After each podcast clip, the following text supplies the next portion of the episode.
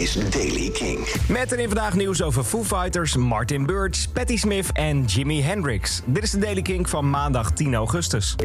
Martin Birch, hij is de producer van onder andere albums van Fleetwood Mac, Deep Purple en Iron Maiden, is overleden. Hij produceerde in 1992 al zijn laatste album en ging daarna met pensioen. En nu is hij op 71-jarige leeftijd overleden.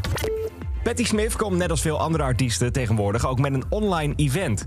Volgende maand komt ze met een speciale show die ze zal geven met muziek en fragmenten uit haar meest recente boek. Over het event zegt ze dat het een high-end multicamera visual en sonic experience wordt. Oké.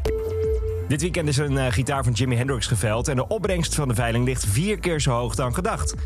De gitaar is uiteindelijk voor een bedrag van 183.000 euro geveld. Dit jaar bestaat Foo Fighters 25 jaar en dat zou groots gevierd gaan worden met een tour door Amerika. In zalen waar de band toenertijd ooit gespeeld heeft. Eerder werd al gezegd dat de tour verplaatst zou worden, maar deze is inmiddels gecanceld. Meer informatie over waarom de tour niet doorgaat is nog niet bekendgemaakt. Dave Grohl heeft niet stilgezeten in die periode, want zijn stem is te horen op een nieuwe track van Inara George, de zangeres van de band The Bird and the Bee. Het is een nieuwe versie geworden van hun Sex in Cars en het klinkt zo.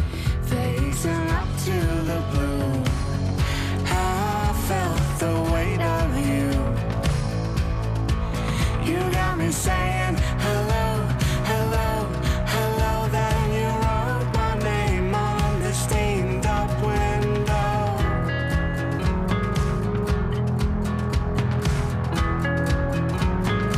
En het is direct herkenbaar het stemgeluid van Dave Grohl.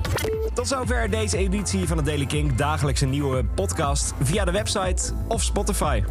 Elke dag het laatste muzieknieuws en de belangrijkste releases in de Daily King. Check hem op king.nl of vraag om Daily King aan je smart speaker.